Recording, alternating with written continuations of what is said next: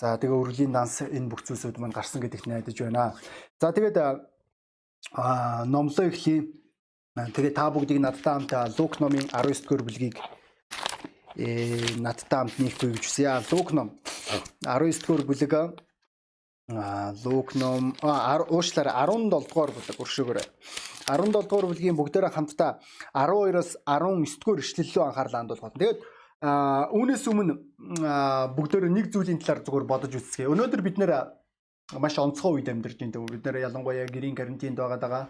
Тэгэд энэ хугацаанд итгэгчнэр бид нэр өөрсдийн баяр хөөрө хадгалж үлдэх энэ амьдралд ирч хүчтэй байхаа мөн өөр бусад ахан дүүстэйгээ харилцах харилцаа хамаатан садан өөр бусад хүмүүстэйгээ харилцах харилцаан дээр бид нэр баяр хөөрө хадгалах маш чухал байгаа. Тэртээ тэргүй бид нэр янз бүрийн мэдээнүүд сонсож байгаа. Бид нэр тааламжтай мэдээ, тааламжгүй мэдээ, янз бүрийн одоо ажил дээрх асуудлууд, ээж дараасан одоо санхүүгийн янз бүрийн асуудлуудын талаар бид нэр ярьж болох юм. Тэгээд энэ болгон дээр өөрийн баяр хөөр энэ амьдралд эерэг хандах хандлага хадгалж үлдэх маш чухал байгаа. Тэгвэл яг ямар хүмүүс яг энэ баяр хөөрөө ад жаргалаа хадгалж үлддэг вэ? Маш энгийн. А эрдэмтдийн судалгаагаар талархах зүрх сэтгэлтэй хүмүүс тэд нэр илүү их ад жаргалтай, илүү эрүүл, илүү амжилттай байдаг гэж хэлж байгаа. Гэтэ та бүгд мэдж байгаа юм уу? Бид нэр энэ нийгэмд тэр болгон амжилттай байдгүй. За тэгээд бүгдээрээ хамтдаа Лук 17 дугаар бүлгийн 12-оос эхлээд 19 дугаар эшлэл рүү анхаарлаа хандуулцгаая. Түүнийг нэгэн гацаанд хурч ирэх үедээ зайдуу зогсож байсан уйман өвчтэй 10 хүн түүнтэй уулзлаа. Тэд дууга өндөрсгөн Есүс эзэнтэй биднийг өршөөгөөч гэв. Есүс тэднийг хармагцаа яв өөрсдийгөө дахилч нарт үзүүл гэжээ. Тэд явах зураан цэвэр болсон байлаа. Тэдний нэг нь өөрийн эдгэрснийг үзээд үзээд буцан ирж чанга дуугаар бурхныг алдаршуулан Есүсийн хөлдөн нүрээрээ унаж түүнд талархал өргөв. Тэр самар хүн байжээ. Есүс 10 хүн эдгээл гэсэн биш үү? Харин бусад 9 нь хаана байна? Энэ харь хүнээс өөр хинч бурханд алдрыг нь өрөхөөр буцаж ирсэнгүй юу гээд тэр түүнд бос ява замаараа яв итгэлчин чамааг эдгэлээ гэвэ гэж хэлж байгаа. Энд чинь сонирхолтой тийм үү? Түүх гэдгийг та бүгд мэдж байгаа бах. Тэгээд бүгдөө нэг зүйл рүү анхаарлаа хандуулцгаая. Бидний өнөөдөр энэ нийгмийн сэтгэлгээ маш их өөрчлөгдсөн гэдгийг та мэдж байгаа бах тийм үү? Өнөөдөр бидний одоо яг хүмүүст хандах хандлага, амьдралд хандах хандлага маань тэр чигээр өөрчлөгдсөн. Өнөөдөр олон хүмүүс авахыг хүсдэг болохоос өгөхийг хүсдэггүй. Өнөөдөр хүмүүс улс улс засаг захиргаанаас авахыг хүсэж байгаа. Өнөөдөр хүмүүс компаниас авахыг хүсэж байгаа. Өнөөдөр хүмүүс эцэг эхээс авахыг хүсэж байгаа. Мөн эцэг их нь хүүхдээс авахыг хүсдэг. А би хэрвээ хин нэгнээс хэрвээ авч ил байвал сайн тийм айл болох ахиухан шиг Тэрнээс бол хүмүүс өгөх дургүй. Өнөөдөр хүмүүс хин нэгнийг тэр болгон өрөөх дургүй байдаг. Хэрвээ өрөөнө гэдэг юм бол ашигтай хувилбарын нөхцөлд тодорхой нэг байдлаар. Энэ сэтгэлгээ маань өнөөдөр биднийг энэ нийгэмд хин нэг нь надад өртөө албатай гэдэг сэтгэлгээ рүү аваатсан гэдгийг та бүгд ойлгож байгаа бах. Тэгээд энэ шалтгааны улмаас бид нэр тэр болгон бид нэр баярлаа гэж хэлдэг. Тэр болгон бид нэр хүмүүст талархан талархсан сэтгэлээ сайнэр илэрхийлж чаддаггүй гэдгийг та бүгд ойлгож байгаа байхаа. Энэ маань үнэхээр гонигтай байдаг. Бидний энэ ишлэл дээр энэ 9 хүн маань тэд нар албатай юм шиг хандсан байгаа да. Угаасаа л ийм шүү дээ. Юунд нь гайхав дээ? Бурхан намайг идгээсэн, тэр идгээх л ёстой байсан. Хэрвээ тэр идгэн гэсэн бол идгээж л таараа. Нэг талаас үнэхээр тэдний итгэлийн алхам нь үнэхээр гайхалтай. Нөгөө талаас Энд чи эзэн Есүс Христ тэрээр энд чи асуудлыг олж харсан байгаа даа. Өнөөдөр маш олон хүмүүс бурхан тэднэрт өртөөгөр амьдардаг. Бүр ялангуяа та гудамжинд хэн нэгэнд гэрчилж явах үед үл итгэгч хүмүүст гэрчилж явах үед та энэ үгсүүдийг сонсож болно. Хэрвээ бурхан байсан бол хэрвээ бурхан тийм үнэхээр хайрлагч юм бол инхэн яасан, тэгхэн яасан, энэ зүйл дээр туслах нь яасан. Нэг үрхэн бол бурхан надад өртөө. Бурхан надад өгөх ёстой Мөн нөгөө талаас мөн итгэгч нар маань гунигтай яг энэ байр сууриаар ханддаг. Би залбирсан юм чи бурхан залбиралд хариулах ёстой шүү дээ. Яагаад бурхан надад залбиралд хариулаагүй? Яагаад бурхан намайг энэ хэрэгцээтэй байгааг би итгэгч үстэй эцсийн эцэстэй. Би итгэгч юм чинь бурхан намайг хамгаалах ёстой өстэй. Итгэгч юм чинь бурхан намайг юрөх ёстой өстэй. Би 11-д үнэж байхад яагаад бурхан миний амьдралд энэ санхүүгийн асуудлуудыг зөвшөөрнө вэ? Яг юуны улмаас вэ? Ямар учраас вэ? Тэгээд хэрвээ бидний амьдралд ямар нэгэн бүтгэе болох тэр мөчөд бид нэр бүх зүйлийг хаяхад бэлэн байдаг байгаа. Энэ шалтгаанаар би итгэлээ орхиж байсан. Итгэл дээрээ гонсоосон, хямарсан, аз жаргалгүй болсон би маш олон итгэгч нарыг би танд энэ итгэлийн амьдралын хугацаанд харсан гэдгээ баталж чадна. Үнэхээр гонигтай байгаа юм тийм үү? Эсвэл бид нэр бусад хүмүүстэйг ийм байдлаар ханддаг. Бусад итгэгч ахын дүүстэй Оо чи надад туслах ёстой өстэй. Харж гинөө би гэрээ нүүлгэх хэрэгтэй бай. Би өнөөдөр тэр зүйлийг хийх хэрэгтэй байд. Би ганцаархнаа байж байгаа чи надад яагаад над руу яагаад залгахсангүй? Чи над руу залгах ёстой. Чи надтай холбоо барих хэрэгтэй. Чи над руу анхаарлаа хандуулах ёстой. Чи намайг ойлгох ёстой. Энэ маань гонигтай тийм үү? Чи чи юу эцэг итгэгч юм байгаа өстэй. Би нэг э, санжийн олон сарын өмнө би жишээ болгон номлож исэн. Хоёр хүүхэд хоорондоо маргалдаж байгаа. Нилээн маргалдаан болсон байгаа. Тэгээд нэг хүн пастрын хүү байсан, нөгөөх нь болохоор итгэгчийн хүү. Тэгээд пастрын хүн хэлж байгаа. Өш хоёулын ерөн итгэгч хүмүүсийн хувьд хэн нэг нь төрүүлж итгэгч алхам хэрэгтэй. Ер нь чи яагаад надаас уучлалт гуйж болохгүй гэж хэлсэн байна. Энэ маань үнэхээр харамсалтай ойлголт тийм үү? Чи итгэгч юм чинь чи надаас уучлалт гуйх ёстой. Чи итгэгч юм чинь чи надад өгөх ёстой өстэй. Чи итгэгч юм чинь чи надад сайнаар хандах ёстой. Оо пастор, оо та надад туслах ёстой өстэй. Пастор та миний бүх асуултыг хариултанд хариулах ёстой. Пастор би тань руу мессеж өчлөө. Одоо хариултаа, хурдталтаа би хүлээгээд. Миний мессежийг харж гин үү? Миний асуултанд хариулалтаа Оо би уг нь бол асуух гэж оролцсон шүү дээ. Тэгсэн чи пастор хариулахгүй лээ. Нэг тийм барьцаасан хандлага тийм үү? Аа бидний сэтгэлгээнд байгаа даа. Тэгээ энэ сэтгэлгээ болгон дээр бид нэг аимшигтай сэтгэлгээний аюулд хүрэх боломжтой. Энэ маань би бусдаас илүү би бусдаас онцгой. Энэ маань үнэхээр гонигтай байгаа. Тэгээ бидний бурхан хандах хандлага маань өөрчлөгдөж эхэлж байгаа. Бидний бусад ахын дүүстэй хандах хандлага маань өөрчлөгдөж эхэлж байгаа. Өнөөдөр итгэгч найз минь чиний талаар яг юу ярих вэ? Бид нэр тооллого номын 14 дугаар бүлгийн 3 дугаар эшлэл дээр Израилийн ард түмний бурханд хандж байгаа хандлагыг харж болно. Энд чи Библи хэлэхдээ эзэн юунд биднийг энэ нутагт авчирч байна вэ? Эхнэрүүд болон бяцхан хүүхдүүдийг маань олз болгохоор биднийг элдэнд унахаар Египт рүү буцсан бидэнд дээр байх биш үү гисгэж байваа гэж хэлж байгаа. Та бүгд хэрвээ Библийг уншиж үзсэн бол Бурхан тэднийг 430 жилийн боолчлоос нь чөлөөлж байгаа. Тэгээд тэдний амьдралд тодорхой нэг асуудлууд үүссэн. Бүр нарийн судлах юм бол тэдний тэдний хулчхар зангаас олж, тэдний итгэлгүй байдлаас олж энэ асуудал нь үүссэн маргаангүй. Тэгсэн ч гэсэн тэд нэр энэ барьцаалсан хандлагатайгаа хിവэрэ байгаад байгаа. Хоо бурхан биднийг хүлэх гэсэн юм байна л да. Хоо бурхан намайг аварсан байж ч одоо намайг үгүй их гэж л байгаа юм байна л да. Намайг энэ газар хүлэх гэж намайг аварч. Тэгэхээр гонигтай тийм үү? Энэ хандлага мөн бид нэр шин гэрээний Матай номын 20 дугаар бүлэг дээр яг л энэ барьцаасан хандлагыг албатай хандлагыг бид нэр харж байна. Энэ маань Матай номын 20 дугаар бүлгийн 11-ээс 12 дугаар эшлэлдэр бид нэр уншиж болно. Тэд хөлсөн аваад газрын эзэн эзний өөдөөс дургуутсан гомдлож энэ сүүлчийн хүмүүс ердөө нэг л цаг ажилласан шүү дээ. Өдрийн ачаа болон халууныг үрсэн биднийг тэдэнтэй адил үнэлээ гэжээ гэж хэлж байгаа. Энд чи хэрвээ та энэ түүхийг бүхэлд нь уншиж үзэх юм бол энэ эзэн нэг эзэн гарч ирээд тэр эзэн хүмүүсийг ажилд авсан. Өглөөнөөс эхлээд ажилд авсан байгаа. Тэгээд өглөөний хүмүүс нь тэр эзнээс та та биднэрт онцгой хандах ёстой гэж хэлсэн байгаа. Тэр үед эзэн хэлэхдээ үгүй уушлаарай би та нартай нэг динараар л тохирсон. Би та нарт анх ийм гэрээ хийсэн. Ойлгож гин үү? Энэ албадлагын байр суурь маань энэ барьцаалсан хандлага маань биднийг сохолдог. Бид нэр баярлаа гэж хэлж чадхаа болдог байгаа. Энэ 10 хүн маань эзнес явж байгаа. Тэд нэр эдгэрлийг авсан уу? Авсан. Тэгээд цаашаага амьдрахгүй баятаа явж өгсөн. Би маш олон итгэгч нарыг харж исэн. Тэд нэр бурхан дотор аврагдж байгаа. Тэгээд цаашаага тэд нэр өөрсдийн авралаа хадгалах хэрэггүй баятаа амьдарч байгаа. Эсвэл тэд нэр бурхан дотор гэрэлж байгаа.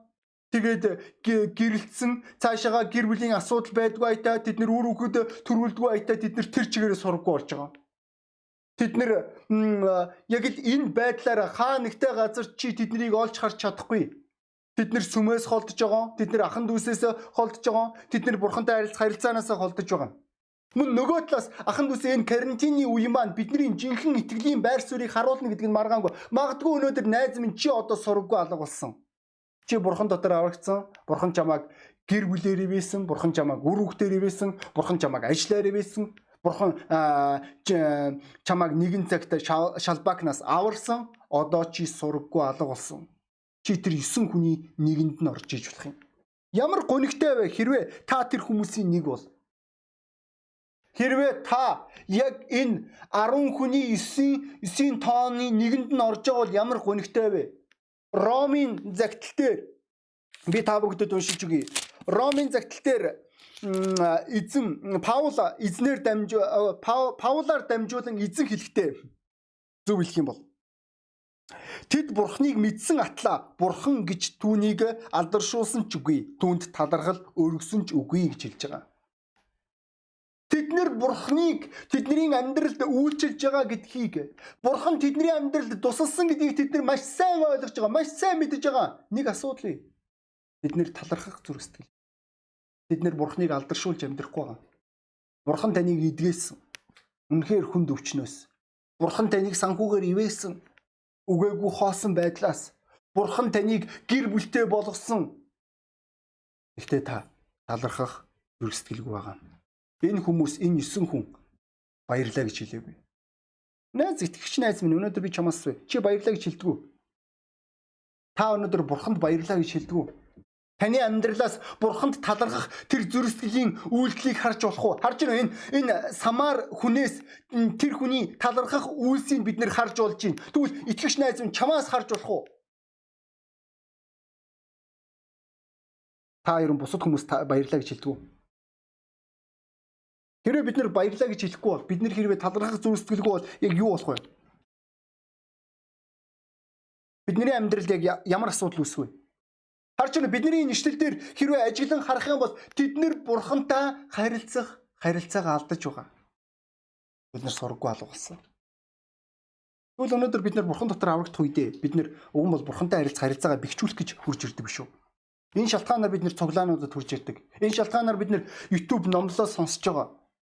Яг яагаад яагаад гэвэл бид нэр бурхантай харилцах харилцаагаа бэхжүүлмээр байна. Бид нэр бурхныг илүү их мэдмээр байна. Бид нэр бурханд доторх тэр амьдрал дээр амжилттай баймаар байна. Өсмөр байна. Энэ шалтгаанаар бид нэр өглөөний залбирал дээр залбирж байгаа. Энэ шалтгаанаар бид нэр Библийг уншиж байгаа. Тэгэд энэ бүх зүйл маань ямар үед алдагддаг вэ гэвэл бидний амьдралаас талархах зүрстгэл алах бол алга болох тэр мөчөд. Бид нэр амьдралынхаа хамгийн чухал зүйлийг үнэлэхэ болсон байгаа бид нэр цаашдаа бурхантай харилцаа харилцаагаа байгуулаагүй. Нэг авсан, нэг эдгэрсэн болоо. Нэг ажилтаа болсон болоо штэ. Гэр бүлтэй болсон болоо штэ. Би харамсалтай нь энэ зураглыг харж исэн. Яг л авлаа дараад нь ерөөсөө цаашдаа ерөөсөө юу ч хэрэггүй байтай. Бид нэр өмнө нь ганц би байх үедээ гэрчилдэг байсан байсан.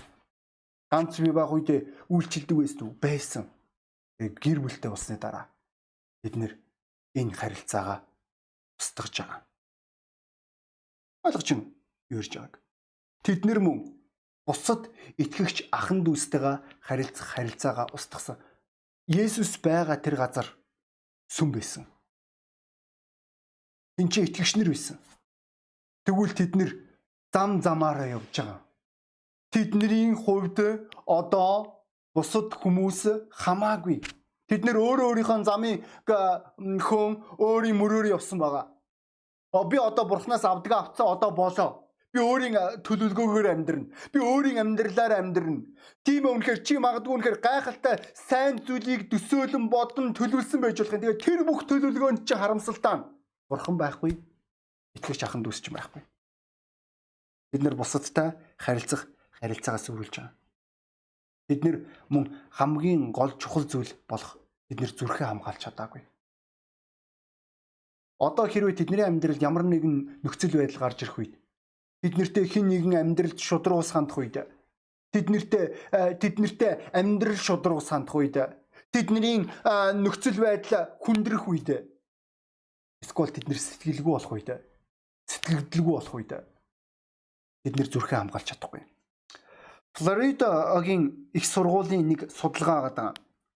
Энэ судалгаа маань юу гэж хэлж байгаа вэ гэвэл хүмүүсийн харилцааны амжилт тэдний талархах үгсээс шалтгаалдаг гэж хэлж байгаа. Тэгээ цаашаа хэлэхдээ хүмүүс талархах үгсийг хэлэх үед наазах нь чи одоо хин нэгэнд баярлаа гэж хэлэх үед хэсэгхэн хугацаанд тэр хүнийхэн талаар олиггүйг бодож чаддаггүй гэж хэлж байгаа байхгүй. Та өнөөдөр хин нэгэнд баярлаа гэж хэлчихэд тэр хүнийг өстөө өстөө муу хүн гэж ярьж чаддаггүй гэж байгаа. Та тэр хүний талаар сайныг ярих болно. Ядахта хэсэг хугацаанд гэж хэлж байгаа. Та тэр хүнийхэн талаараа сайн зүйлийг бодох болно сайн зан зан чанаруудын та өөрийн оюун бодолтой ургуулсан төсөөлөх болно. Та байнгын байдлаар талархах үгсийг хэлдэг болоо энэ маань таны хувьд хинжээшгүй худаг. Та бусад хүмүүстэй харилцах харилцаанд үргэлж хариуцлага мэдрэх болно. Аа та мөн ямар ч нөхцөл байдалд орсон үргэлж эвлэрэх замыг сонгоно. Та үргэлж амьдралдаа итгэвтэй байх болно. Үргэлж эерэг хандлагаар хандна хүмүүсийг та хизээч хардахгүй, атаархахгүй, мөн хүмүүсийг шижгэлэхгүй, хүмүүсийг шүүмжилэхгүй, хүмүүсийг буруутгахгүй гэж хэлж байгаа. Ямар гайхалтай вэ те? Талархах зүрх сэтгэлтэй хүмүүс хүмүүстэй харилцах харилцаагаа хадгалж үлдчихэж байгааг харах. Мөн бидний нэшлэл дээр бид нэр юу болж харж болох вэ гэвэл бид нэр өөрсдийн авралаа алдаж байгаа. Тэд нэр яг л ганц удаагийн хэрэгэлдэг эд зүйл шиг амьдралаа зориулсан. Бид нэр хэлж байгаа. Би эдгэрлийг авсан одоо болоо. Цаашдаа би ерөөс итгэгч амьдралаар амьдрах шаардлагагүй мэт. Одоо тэдний хувьд аврал нь чухал ш болж хувирж байгаа. Бидний хувьд эдгэрэл нь чухал болж байгаа. Тэгвэл эзэн Есүс Христийг юу гэж хэлсэн бэ? Хэрвээ бид нэр дэвсгэр дээр хөвтөж байгаа тэр хүний түүхийг хэрвээ санах юм бол эзэн түүнийг нүгэлчин уучлагдлаа гэж хэлсэн байгаа. Тэр үед маш олон хүмүүс шүмжилж байгаа. Оо эн чинь одоо нүглийг уучлдаг хэм бэ? Тэр үед эзэн хэлэхдээ эдгэрэл нь чухал уу? Нүгэл нь уучлагдлага нь чухал уу? Нүгэл нь уучлагдсны баталгаа эдгэрэл болохоос өөрөөр биш юм а гэж хэлсэн. Тэгээд тэр дэвсгэр дээр хөвтөж исэн хүнд чиний нүгэл уучлагдлаа бус одоо яв гэж хэлсэн байгаа. Олон жил өвдөж нь өвдөн шаналж байсан нэгэн тэрээр хоромхон зур бурхны идгэрлийг авсан байгаа. Мөн авралыг олж авсан. Өнөөдөр итгэгч найз минь аврал хамгийн чухал зүйл. Авралаа хадгалах маш чухал. Та нэгэн удаа би итгэгч болсон, тийм ээ би сүмд явдаг байсан, би тийм ээ би Библи уншдаг байсан, тийм ээ би эдгэрж ийсэн, тийм ээ би итгэгч гэр бүл байгуулж энэ нэг тийм сонирн биш дээ өнөөдөр хамгийн чухал зүйл болох авралаа хадгалах аханд байсаа туйлын чухал байгаа. Эцэст нь өнөөдөр талархах зүрх сэтгэл бидний амьдралд яг юу өгдөг вэ? Тэгээд нэг сонирхолтой нэг асуулт байгаа. Ямар байдлаараа талархах хүмүүс бусдаас ялгаатай байдаг вэ гэдэг нэг асуулт байгаа. Энэ асуултанд Ийлин гэдэг хүн энэ хүмүүс хизээч атаархах чадваргүй, энэ хүмүүс хизээч үзэн ядах чадваргүй гэж хэлж байгаа. Бидний зүрхэнд ийм юм байдгүй. А Цицерон хэлэхдээ тэрээр энэ хүмүүс сайныг үйлдэгч хүмүүс. Джонсон гэдэг хүн хэлэхдээ энэ бол ёс суртахууны асар өндөр хүмүүжил юм а гэж хэлсэн байгаа. А харин Клен гэдэг хүн хэлэхдээ энэ бол хувиа хичээсэн зам байхгүй байдлаа гэж тодорхойлсон байгаа. Өнөөдөр найз минь бидний нэшлэлдэр байгаа самар хүн энэ харь үндэстэн байсан байгаа. Энэ хүн маань бурхны нэгүсэл, ерөөл, авралыг, мөн эдгэрлийг авах зохисгүй нэгэн байсан Израильчүүдийн хувьд. Нөгөө 9 хүн зохистой байсан. Гэхдээ тэд нар зохистой байдлаар тэд нар өөрсдийн амьдралаа үнэлээгүй.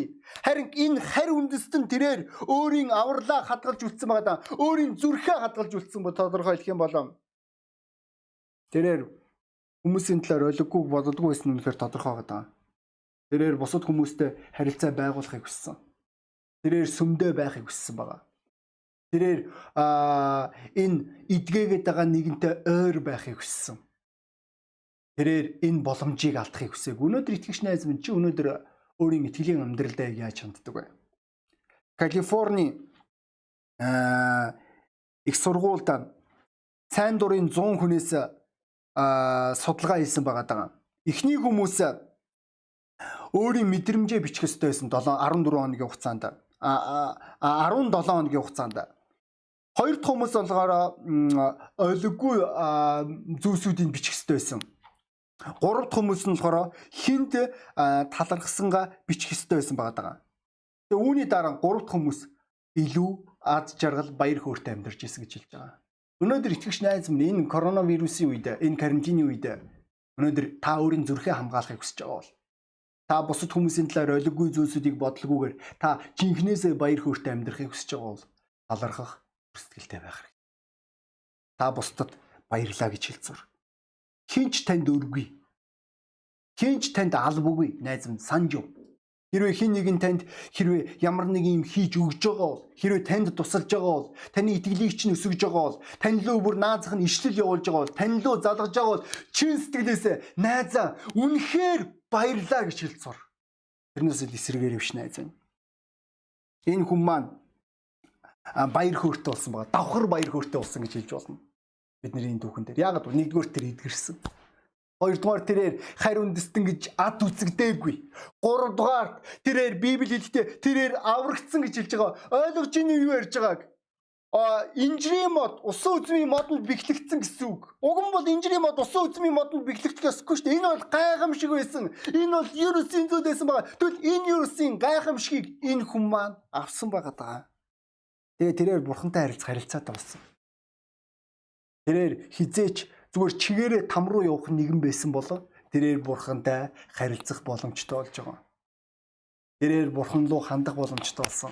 Тэрээр бурхны үгийг унших боломжтой болсон. Тэрээр бусад хүмүүст бурхны үйлсийн талаар гэрчлэх боломжтой болсон байгаа. Түүний итгэлийн гэж яригдах тэр амьдрал нь бодтойгоор түүний амьдралд хэрэгжих боломжтой болсон. Тэгвэл өнөөдөр итгэгч найз минь бид нар энэ талаар яг юу ярих вэ? Бид нэр өнөөдөр бурханд талархах зүрстгэлтэй талархах зүрстгэл маань үргэлж бусдад бурхны талаар ярих руу чиглэдэг. Энэ хүн маргаангүй амьдралын талаар асар сайн үнэлэмжтэй байсан тодорхой байгаа. Тэрээр өөртөө байгаа зүйлүүдэд үнэлж хэлж байгаа. Тэрээр өөртөө байгаа зүйлсүүдэд хайрлж эхэлсэн байгаа тийм үү? Тэрээр бурхамтай э, энэ саяхан хоромхон зур э, та нар төсөөлж гинөө 10 хүн зогсож исэн тэр дунд нэг харь нөхөр байсан байгаа даа. Магадгүй 9 үнэн тэр 10 дахь хүн рүү гадуурхлын байр суурь онцгой тааламжгүй байр суурьаар ханддаг байсан байж болох юм. Яг л тэгж хандж исэн Израильчууд тэр үед. Тэгвэл одоо энэ хүн тэрээр энэ боломжийг алдахыг хүсэв. Үнэхээр гайхалтай харагддаг. Өөрийн авралаа хадгалахыг хичээн, өөрийн зүрх сэтгэлээ цэвэр хадгалан, чин сэтгэлээсээ талархах зүрх сэтгэлдээ сэтгэл хангалуун амьдарж байгаа тэр итгэгч нарыг харах. Үргэлж үнэхээр амьдрах хүсэл төрдөг байгаа. Үргэлж тэд нэр амьдрал эерэг хандлагатай байдаг. Үргэлж тэд нэр амьдрал нь чи бодож байгаа. Ер нь чиний амьдрал асуудал ер нь тохиолдод юм уу гэж хэлмээр санагдаж байгаа. Яг яагаад яагаад чи талархах зүрх сэтгэлтэй хүн учраас чи өнөөдөр өөрийн амьдралдаа байгаа өчүүхэн зүйлийг үртэл үнэлэх чадвартай Чи өөрийн гэр бүлээ үнэлж байгаа. Бурхан доторхоо. Чи өөрийн үр хүүхдээ үнэлж байгаа. Чи өөрийн ажлаа үнэлж байгаа. Чи өөрийн итгэлээ үнэлж байгаа. Өөрийн итгэгч ахын дүүсээ үнэлж байгаа. Чи өөрийн пастораа үнэлж байгаа. Чи өөрийн хотоо үнэлж байгаа. Чи өөрийн улсаа үнэлж байгаа. Чи тэгээ үргэлж сэтгэл хангалуун амьдардаг байгаа. Дуулал номын 50 дугаар бүлгийг бүгдээрээ хамтдаа нээцгээе. Дуулал ном. Дуулал ном 50 дугаар бүлэг. Дуулал, дуулал, дуулал, дуулал, дуулал, дуулал, дуулал 50 дугаар бүлгийг бүгдээрээ хамтдаа Яа. Дуулал дуулал дуулал. За. 50 дугаар бүлгийн хамгийн сүүлч ишлэл. Талархлын дахлыг өргөгч нь намайг хүндтгэдэг. Зөв замаар замнагчдад бурхны авралыг би үзүүлнэ гэж хэлж байгаа. Эзэн хэлэхдээ талархах зүр сэтгэлтэй нэгэн намайг хүндэлдэг байхаас гадна энэ хүн маань зөв замаар явж байгаамаа гэж хэлж байгаа. Өнөөдөр тэгвэл найз минь чиний талыг юу вэ? Заримдаа үнэхээр гунигтай санагддаг сүмд урваасан ярваасан тэр хүмүүсийг харах үед бид нэр байнгын сэтгэл дундуур байгаа тэр хүмүүсийг харах үед эсвэл бусад хүмүүс тэр хүмүүст өртөө аятай байнга хайр нэхэж үргэлж өр нэхэж үйлс нэхэж явж байгаа тэр хүмүүсийг харах үед тэг өөрөө ирэхгүй бодож эхэлж байгаа. Итгэгч найз минь ер нь чи аврагдсан юм уу? Чи ер нь бурхны уучлалыг авсан уу? Ер нь чиний итгэл чамайг аварж байгаа юу? Өнөөдөр бидний талархах зүрх сэтгэл өнөөдөр бидний хувьд гүүр байгаа. Чи бурхантай харилцах харилцаандаа гүүр байгуулж байгаа. Чи бусад хүмүүстэй харилцах харилцаандаа гүүр байгуулж байгаа. Энэ маань бидний амьдралын маш чухал үс гэдгийг итгэж найз минь ойлгох хэрэгтэй. Тэгэд би энэ газар хүн болгон толгоо удаалгаад нүдэ ханасаа гэж хүсэж байна хоронгон зүр та бүгд залбирахын тулд итгэж ахын тулд ойлгомжтой би таныг нүдэ анж байгаа би мэдэхгүй. Гэхдээ энэ маань танд залбирахад төвлөрөхөд ус болно. Би таныг энэ номлолд өөрийн зүрх сэтгэлээ шалгаасаа гэж хүсэж байна. Химжиж үзээсэй. Би ер нь талархах зүрх сэтгэлтэй хүмүүн үү? Миний итгэлийн амьдралаас бусад хүмүүс баяр хөөргийг харж чадах уу? Миний итгэлийн амьдралаас бусад хүмүүс бурхныг хүндэлж байгаа тэр хүндлэлийг олж харах уу? Би ер нь бурхантай харилцах харилцаандаа яг ямар вэ? Би бусад хүмүүстэй харилцах харилцаандаа яг ямар вэ? Өнөөдөр миний итгэлийн амьдралыг ямар байр суурин дээр байгаа вэ? Хэн нэгэн шийдвэр гаргах хэрэгтэй, хэн нэгэн гэмших хэрэгтэй, хэн нэгэн сэргээх хэрэгтэй болов. Тэгээд би хүн болгон залбирж байхын үед би дуудлага өөрчлөмөр байна. Магадгүй та анх удаа энэ номлыг сонсч иж болох юм. Тэгээд би танд нэг зүйлийг хэлье. Баяр хөөртөө эргээр амьдрах боломжтой. Өнөөдөр хэрвээ таны амьдралд ихтэй нүгэл байгаа бол боломжгүй. Нүгэл үргэлж бусдыг хардаж, буруутгаж, шүүмжилж амьдрахад хүргэдэг. Та өөрөө өөрийгөө бодхоос өөр танд боломж олдохгүй. Тэгээд энэ маань бидний амьдрал зовлон авчирдаг. Энэ маань бидний амьдралыг өдрөөс өдөрт хүнд болгодог байгаа. Өнөөдөр нүгэл таны амьдралд байгаа үед та хизээч азаргалтай амьдрахгүй. Та хизээч бурхныг мэдэхгүй. Та бурхнаас дэндүү хол байх болно. Нүгэл таныг холдуулдаг учраас Тэгвэл энэ байдлаар тань бурхан байгаасаа гэж хүсэх байгаа. Энэ шалтгаанаар бурхан таны нүглийг авахын тулд нүглийг уучлахын тулд Есүс Христийг бидний нүглийн төлөө өгсөн. Есүс Христийн золиосын ачаар 3 хоногийн дахин амьлалтын ачаар бид нэр бурхантай амьдарах боломж олдож байгаа. Бид нэр баяр хөөртөө эергээр амьдрах боломж олдож байгаа. Бидний зүрх сэтгэлийг бурханд өргөх боломж бий. Бид нэр бурхантай харилцаа байгуулах боломж. Түүнийг улам таньж мэдэх боломж бий. Хэрвээ та үүнийг хүсэж байгаа бол та бурхны хайрыг авахыг хүсэж байгаа бол та энэ залбирлыг надтай дагаад хэлэхгүй. Бурхан минь ээ Есүс Христ миний нүглийн төлөө өгсөн гэж хэллээ. Тэгээ дахин амьдсан гэдгийг би итгэж байна. Та миний нүглийг өөрчилнө. Би таны өмнө нүгэлтэй. Та миний амьдралд орооч. Таныг улам илүү таньж мэдэх боломжийг надад олооч. Есүс Христийн нэрээр таны бүхэл зүйлс талархаж байна. Аамен. Хэрвээ та үүнийг чин сэтгэлээсээ залбирсан бол Бурхан таны нүглийг уучлсан. Та энэ оройноос эхлээд Бурхантай харилцаж болно. Та амьдралаа шинэ хуудаснаас эхлэх боломжтой. Та түнлөө дуу хоолой өргөж болно. Бид нэр их хүчлэн Есүсийн нэрээр залбир. Мөн таныг түүний талаар мэдэх тэр боломжийг Библи олгож байгаа. Заавал Библи олж аваарай. Заавал шинэ гэрээ уншаарай. Яг л итгэл нь сонсохоос сонсох нь Бурхны үгнээс гэдэг учраас. Үгээр та өөрийн итгэлээ өсгөж болно. Тэрнээс бол зүгээр нэг бодлоор биш. Танд итгэлийн суурь хэрэгтэй.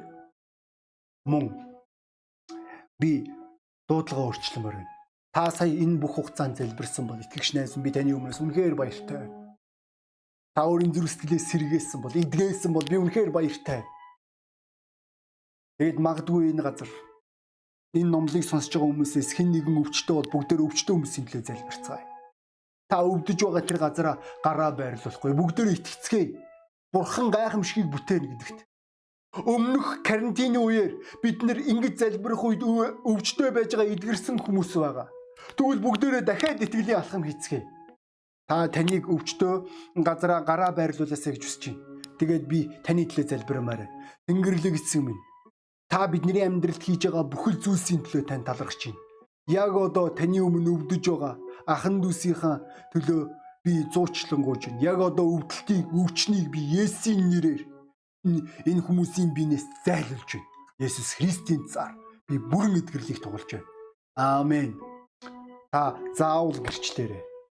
Тэгээд бүгдөө цуглааны төгсгөл залбирцгаая.